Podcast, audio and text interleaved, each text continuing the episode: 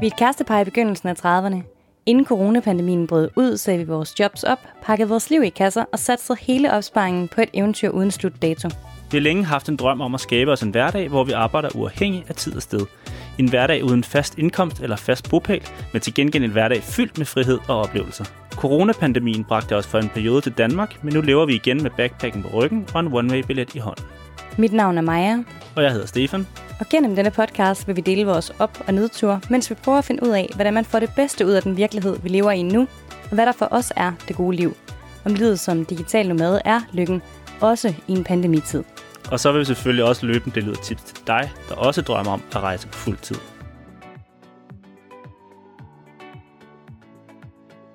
Du lytter til Det Gode Liv af Lid som Digital Nomade Lykken. I det her afsnit vil vi fortælle om, hvordan vi fik vores første remote job i hus, og i det hele taget fortælle om, hvordan man finder arbejde, som man kan tage med under armen. Afsnittet er optaget på Azorernes hovedø, Sao Miguel. Hej. Hallo. Lad os lige starte med at snakke lidt om, hvad der er sket det sidste stykke tid. Vi har jo været på Madeira, og nu er vi på Azorerne. Madeira, vil jeg sige, er virkelig, virkelig en undervurderet destination. Hvis man øh, kigger efter nogle fede destinationer i Europa, så vil vi øh, anbefale Madeira. Hvad har vi lavet øh, det sidste stykke tid, Stefan? Ja, vi endte jo med at blive på Madeira i, i to måneder, og det var, som du sagde, helt fantastisk, og vi kunne sagtens have taget længere tid. Vi boede øh, på solskins-siden, kan man godt sige, det var. Øhm, og vi havde fantastiske bølger der, hvor vi boede. Så vi øh, ja, arbejdede selvfølgelig, så surfede vi en masse, og havde de fedeste hikes, øh, det tror jeg nogensinde, jeg har prøvet. Virkelig, virkelig fedt.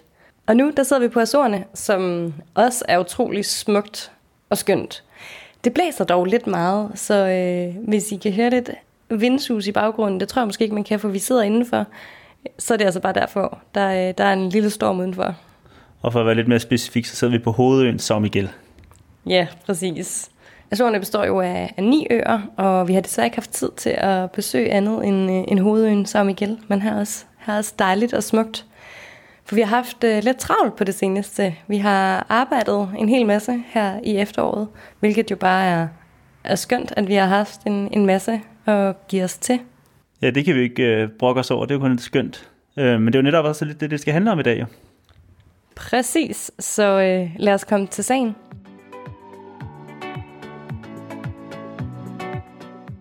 Vi vil starte med at fortælle om vores egen vej til, hvor vi er i dag. Hvis du har fulgt med fra start af, så kan du måske huske, at øh, for cirka et år siden, der var vi helt lost. Vi anede faktisk ikke engang, hvordan vi skulle, vi skulle tjene penge. Men vi vil fortælle lidt om vores egen vej til, hvor vi er i dag. Og så vil vi komme ind på andre veje, man kan gå. Konkrete jobs, man kan tage med sig, og hvor man kan finde konkrete jobs. Og så har vi fået en masse spørgsmål på Instagram, som vi vil forsøge at svare på. Og til sidst var planen oprindeligt, at vi ville servere en masse øh, killer-tips til, hvordan man skal komme i gang med at arbejde remote fra andre, der, har, øh, der, eller der arbejder lige ude, ude i verden lige nu med deres computer under armen. Men fordi der var simpelthen så mange gode øh, råd og anderledes måder at gøre det på, så har vi valgt at, at, at gøre det i et nyt afsnit, som kommer efter det her. Nå, vi vil starte ud med lige at fortælle lidt om vores egen vej, fordi øh, som I, eller som mig også lige har sagt, så var vi øh, meget lost i starten og havde svært ved at finde ud af, hvad for en øh, vej vi selv skulle gå, og det har vi jo heldigvis fået, øh, fået ændret meget på, kan man sige. Ja, jeg synes, vi har ret godt styr på det i dag, sådan set. Men lad os prøve at være helt konkrete med, hvordan vi selv sad for halvandet år siden i Danmark. Vi startede egentlig med at, at have en løs tanke om det her med at arbejde ude i verden med vores computer. Og så brainede vi, altså brainstormede vi mere og mere på, hvad var det, vi kunne tjene penge på. Helt konkret, der mødtes vi efter vores fuldtidsarbejde på en café ude i byen en gang om ugen, hvor vi havde sat tid af til at få idéer og researche. Så vi sad altså på en eller anden slatten kaffebar med vores øh, computer og en blog og øh, prøvede at, at være kreativ her efter, efter arbejdstid. Så det var typisk sådan noget med, at vi mødtes klokken 17-17.30, mega sultne på en kaffebar, og sad i en time eller to ind til vi var så sultne, at vi var nødt til at smidt hjem, lave noget, lave noget mad og, og gå videre og arbejde videre hjemmefra. Men det var rigtigt, altså hvis, inden der havde vi jo også bare gået med tankerne lang tid og, og svært ved at finde ud af, hvad vi skulle gøre, men, men det var hjalp rigtig meget at bare at gøre et eller andet og komme i gang og, og prøve det af og sidde og få tanker ned på papir og, og finde ud af, hvad vi kunne finde ud af, eller hvad vi var gode til og hvad vi kunne udbyde. Ja, præcis. Så vi startede egentlig bare med at, at, at få en masse idéer, og derudfra arbejde videre til, hvad, hvad vil give mening at gå videre med. Og det at arbejde med sociale medier lå os ret naturligt. Jeg har øh, som journalist brugt sociale medier øh, en del på forskellige redaktioner og arbejdet med det den vej.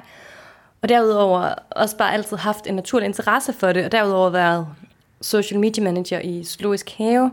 Så det var en ret naturlig vej øh, for mig at gå, og egentlig også for Stefan, fordi han har startet en Instagram-profil, der hedder Copenhagen Bible, som er en profil med, med brugergenereret content, øh, som vi startede for sjov, og i, i dag har den over 20.000 følgere. Ja, præcis, og så, så var det jo også bare, altså fandt man jo ud, eller for mig fandt jeg ud af det, at det var noget, jeg synes, der var spændende, og så lærte man en hel masse den vej. Så det var også det var vigtigt, det man, man giver sig ud i noget, man synes, der er spændende, fordi hvis man ikke synes, det er spændende, så bliver man aldrig god til det.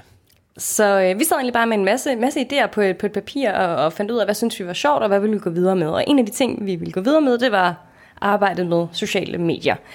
Så hvis vi lige spoler frem til i dag, det vi arbejder primært med i dag, det er sociale medier for danske kunder. Det kan være rådgivning, det kan være håndtering, eller det kan være annonceopsætning.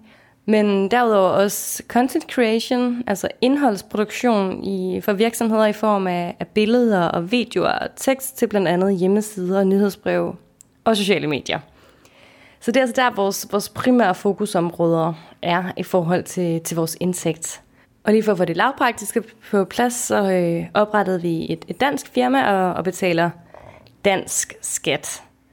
Og så spoler vi lige helt tilbage igen til dengang, vi sad på, på caféen og var lidt lost.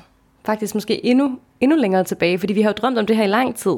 Det er måske 3-4 år siden, at vi, vi startede med tanken lidt for sjov. Og der tænkte vi sådan, hvordan skal vi få erfaring?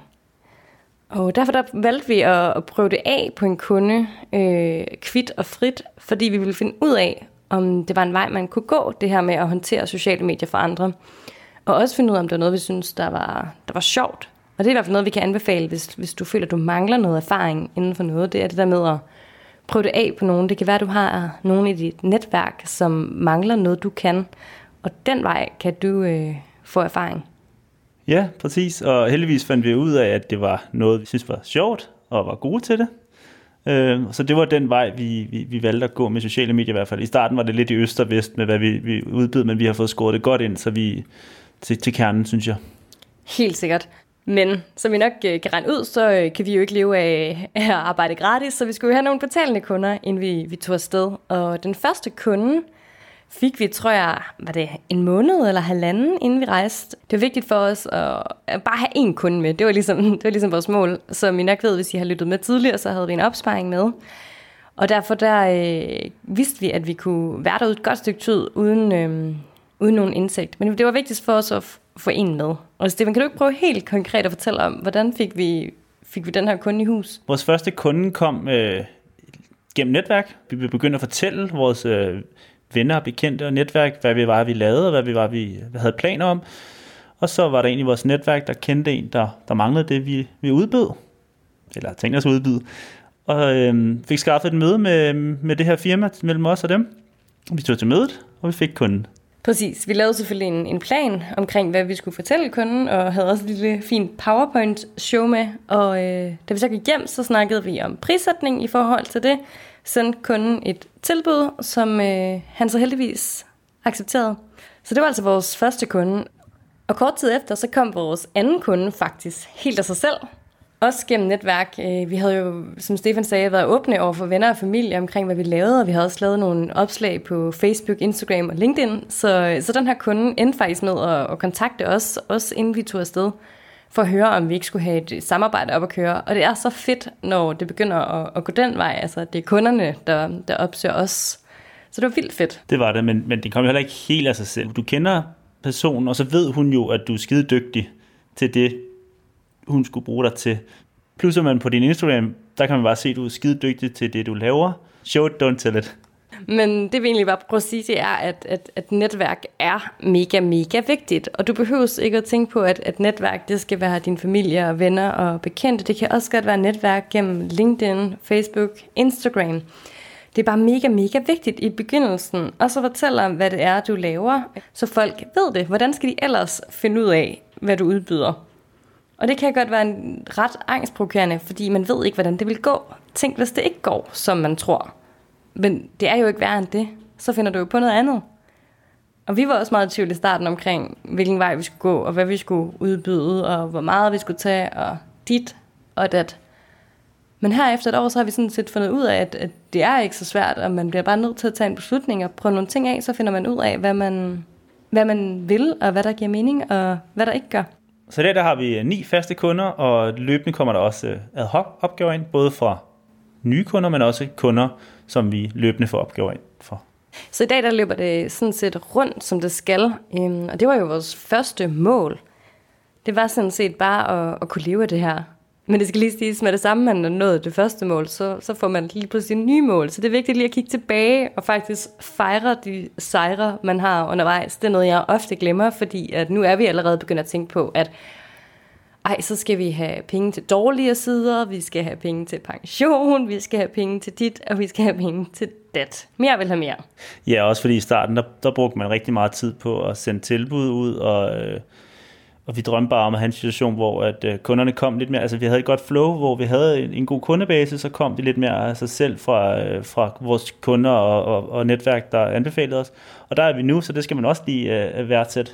Ja, vi skal virkelig huske at fejre vores sejre, fordi man kan hurtigt komme til at glemme, hvor man var for et år siden. Øhm, så lad os lige øh, fejre det. Juhu! ja, og det, der er vigtigst for os, det er jo sådan set ikke, at vi bliver rige af det her. Det er egentlig bare, at vi kan, vi kan leve fint. Øh, for os er det friheden, det handler om, og det handler om at være, være glade i vores hverdag. Og det vil jeg sige, vi er lige nu. Bestemt. Men bare lige for at opsummere, hvad det er, der har, der har virket for os, øh, for at få, få kunder helt konkret, der er det altså netværk, der har virket bedst. Og det er måske lidt et lorteråd, men, men for os er det bare det, der har virket bedst. Det er sandheden. Så det er det der med at fortælle alle omkring dig, at du er gået selvstændig, eller du er gået freelance, og fortælle, hvad du laver. Øhm, fortæl om dine gode cases og din erfaring, og netværk, det behøver ikke nødvendigvis at være venner eller familie. Det kan også sagtens være nogen, du øh, støder på, på på LinkedIn, på Facebook, på, på Instagram. Det er altså der, vi har fået størstedelen af vores opgaver ind fra. Ja, og så har vi prioriteret erfaring, gode cases og, og gode kunderelationer over at skulle tjene rigtig mange penge i starten. Fordi heller bare... Øh... Ja, heller bare få opbygget en, en erfaring og, øh, og få nogle kunder, som kan anbefale dig til, til andre kunder. Så det er det, vi har, øh, vi har prioriteret. Øh, og i mindre grad har vi prioriteret øh, for eksempel hjemmeside. Ja, den skal vi dog lige opdateret. Ja, jeg ved ikke, hvad den ligner. den, den har vi ikke brugt så mange kræfter på. Så for os er det det, der har virket, men, men senere kommer vi også ind på, hvad man, hvad man ellers kan gøre, for der er nogle platforme direkte til at finde freelance jobs, som man også skal bruge. Så det kommer vi ind på lidt senere. Men lad os også lige snakke lidt om, om prissætning, fordi det ved vi, der er rigtig mange derude, der, der synes er svært, og det kan være rigtig svært. Vi kan også selv blive i tvivl, og har været i tvivl mange gange, og kommer nok også til at blive det i fremtiden.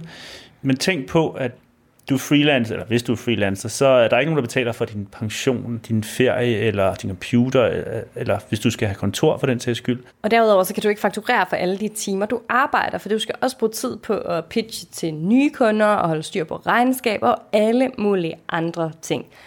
Så det, jeg bare vil sige, det er, at du skal også sætte din pris derefter.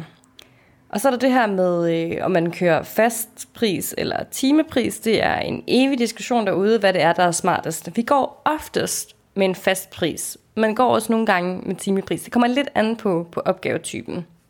Ja, en af grundene til, at vi, øh, vi går ved, ved fast pris, det er, at øh, for, for vores kunder, så ved de præcis, hvad det er, de skal betale om, om måneden. Og derudover, hvis det er en øh, kunde, der ikke er vant til at arbejde med freelancer, så kan de måske godt tænke, at det er en høj timepris, fordi de ikke helt ved, hvad, Øh, freelance services koster. Og de tænker jo ikke altid over, at øh, de heller ikke skal betale for pension, ferie, øh, udstyr, kontor osv. Og fordelene ved, ved en timepris, det kan være, at, øh, at kunden har mere respekt for din tid, fordi at de betaler øh, per time. Det er i hvert fald nogle af de, øh, de fordele og ulemper, som, som vi er stødt på. Men der er ikke noget rigtigt og forkert. Det vigtigste er egentlig bare, at du, du, du finder ud af, hvad, hvad du synes, din, din tid er værd, og hvordan du kan få det til at løbe rundt. Og i starten, der, der gør det altså ikke noget at, øh, at finde nogle af dit netværk, som du kan lave nogle ting for gratis, for at få noget erfaring. Og cases, det er jo også rigtig godt at fremvise, for der er jo mange måske nye kunder, der spørger ind til cases fra tidligere resultater. Og, øh, og jeg er egentlig ikke for, at man skal lave noget som helst gratis, men, øh, men det kan altså være en god måde at få, få erfaring på, hvis man, hvis man ikke har noget på, på CV'et.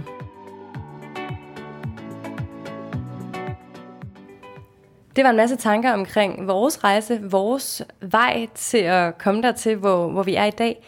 Men der er altså så mange andre måder, man kan, man kan gøre det på, og der er ikke nogen rigtig eller forkert måde. Jeg tror, det vigtigste er at tænke på, hvad man er god til, hvad man godt kan lide at arbejde med, og så prøve at tænke i den retning. Er der noget af det, som du godt kan lide at arbejde med, som du er god til, som du kan gøre online? For alt, der kan laves online, er jo sådan set noget, som man kan tage med og, og arbejde med remote. Og øh, vi har fundet 21 forslag, som vi brainstormede os frem til på bare 5 minutter. Så der er mange, mange, mange muligheder derude, og det behøver ikke nødvendigvis at være noget, du har kæmpe stor erfaring med i forvejen, hvis det bare er noget, du synes, der er sjovt, og noget, du er god til. Så lad os bare lige prøve at lave sådan en, en lynhurtig opremsning af de her, de her forslag. Øh, og så øh, må man altså selv lige i gang med, med Google og finde ud af, hvordan, hvordan kommer man videre, for ellers ville det blive et meget, meget langt afsnit, hvis vi skulle øh, fortælle om, hvordan man, man bliver de her forskellige ting. Så lad os bare lige lave en, øh, en, en opremsning. Der er annoncering på sociale medier, Google Ads og, og så videre. Tekstforfatning. Sproglærer. Programmør. Virtuel assistent, altså hvor man tager sig administrative opgaver for virksomheder. Oversættelse. Rekruttering. Transkribering. SoMe Manager. SEO. Opsætning af e-mail-kampagner. Content creation. Webudvikler. Nu opdager jeg så, der står programmer, den har vi vist haft. Så i stedet for er det 20 forslag. UX designer. Forfatter. Affiliate marketing. Journalist. Online lærer, for eksempel engelsklærer. Bogføring eller revisor online træner, eller online kostvejleder, eller online coach, altså noget i den dur. Og mange, mange, mange flere. Og øh, corona, kunne man, kan jeg forestille mig, har åbnet op for mange flere muligheder, også at måske man kan tage sit fuldtidsjob med ud. Ja, præcis, præcis. Så måske, at du skal tænke på, at det kan være, at dit nuværende arbejde kan, kan lave en stilling til dig, hvor du kan, kan arbejde remote. Det er faktisk det, som Claus, som vi taler med i, i næste afsnit, har gjort. Han har simpelthen fået sit, øh, sit arbejde hjemme i Danmark til at lave en stilling til ham remote. Ret fedt. Men en anden ting, vi skal snakke om, det er, hvor man kan finde de her jobs. Og som vi har sagt flere gange i det her afsnit, netværk vil jeg altid øh, anbefale som, som det første. Facebook, Instagram, LinkedIn, øh, og også når du, når du ses med venner og bekendte, sørg for at fortælle det. Men du kan altså også godt finde dem på øh, forskellige platforme. Ja, vi har lige listet nogle op her. Der er Upwork, Worksome, People per Hour, Guru, Fiverr, Amino, Freelancer. Og mange af de her steder, det er altså steder, hvor du kan finde freelance øh, jobs. Og det er altså ikke alle jobs, du behøver en femårig uddannelse til. Nogle ting, det, det kan du lære andre steder. For eksempel via kurser øh, på internettet, eller aftenskole, eller ja, YouTube. Brug de, brug de ressourcer, der, der, der findes til at, til at lære de ting, du gerne vil blive, blive bedre til.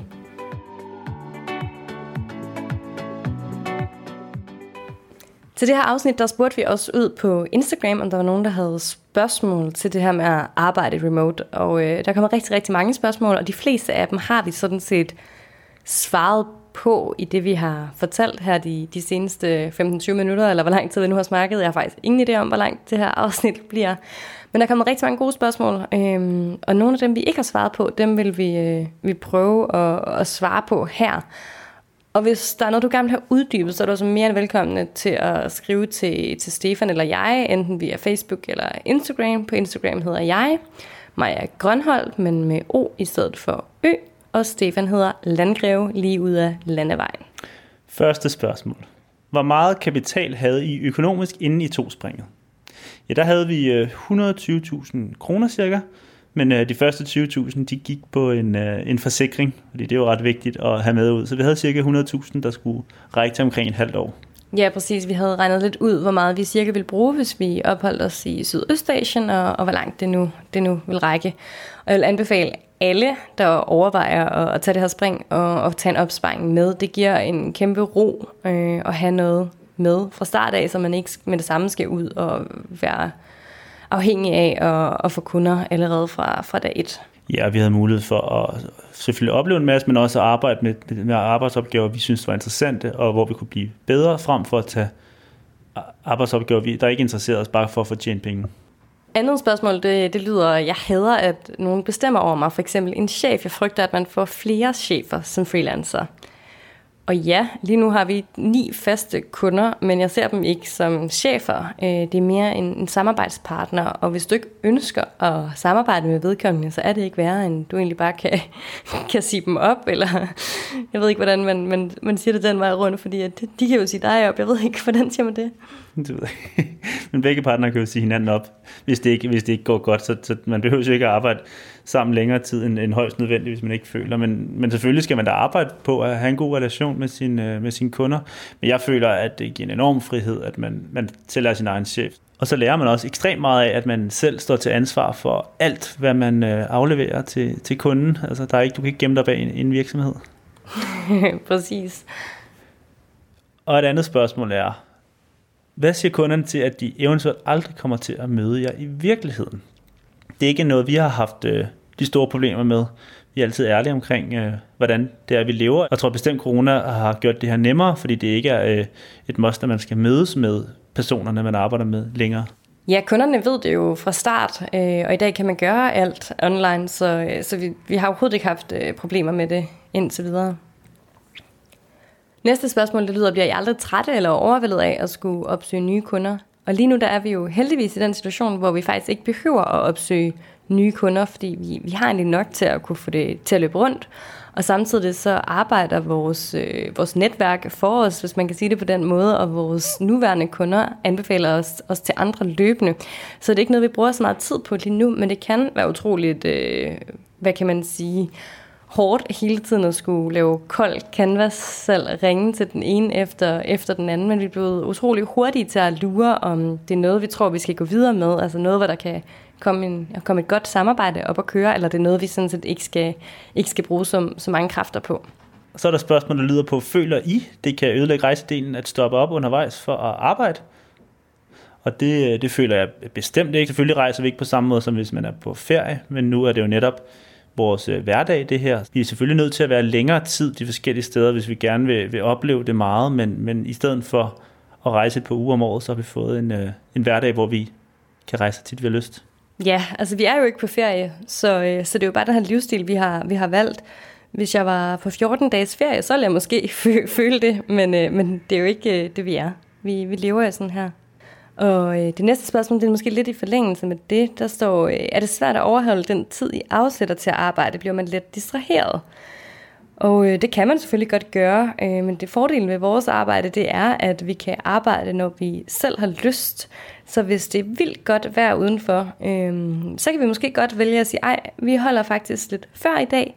Til gengæld så arbejder vi øh, lidt igennem om aftenen, eller vi står tidligere op i morgen for, for at kunne gøre tingene der.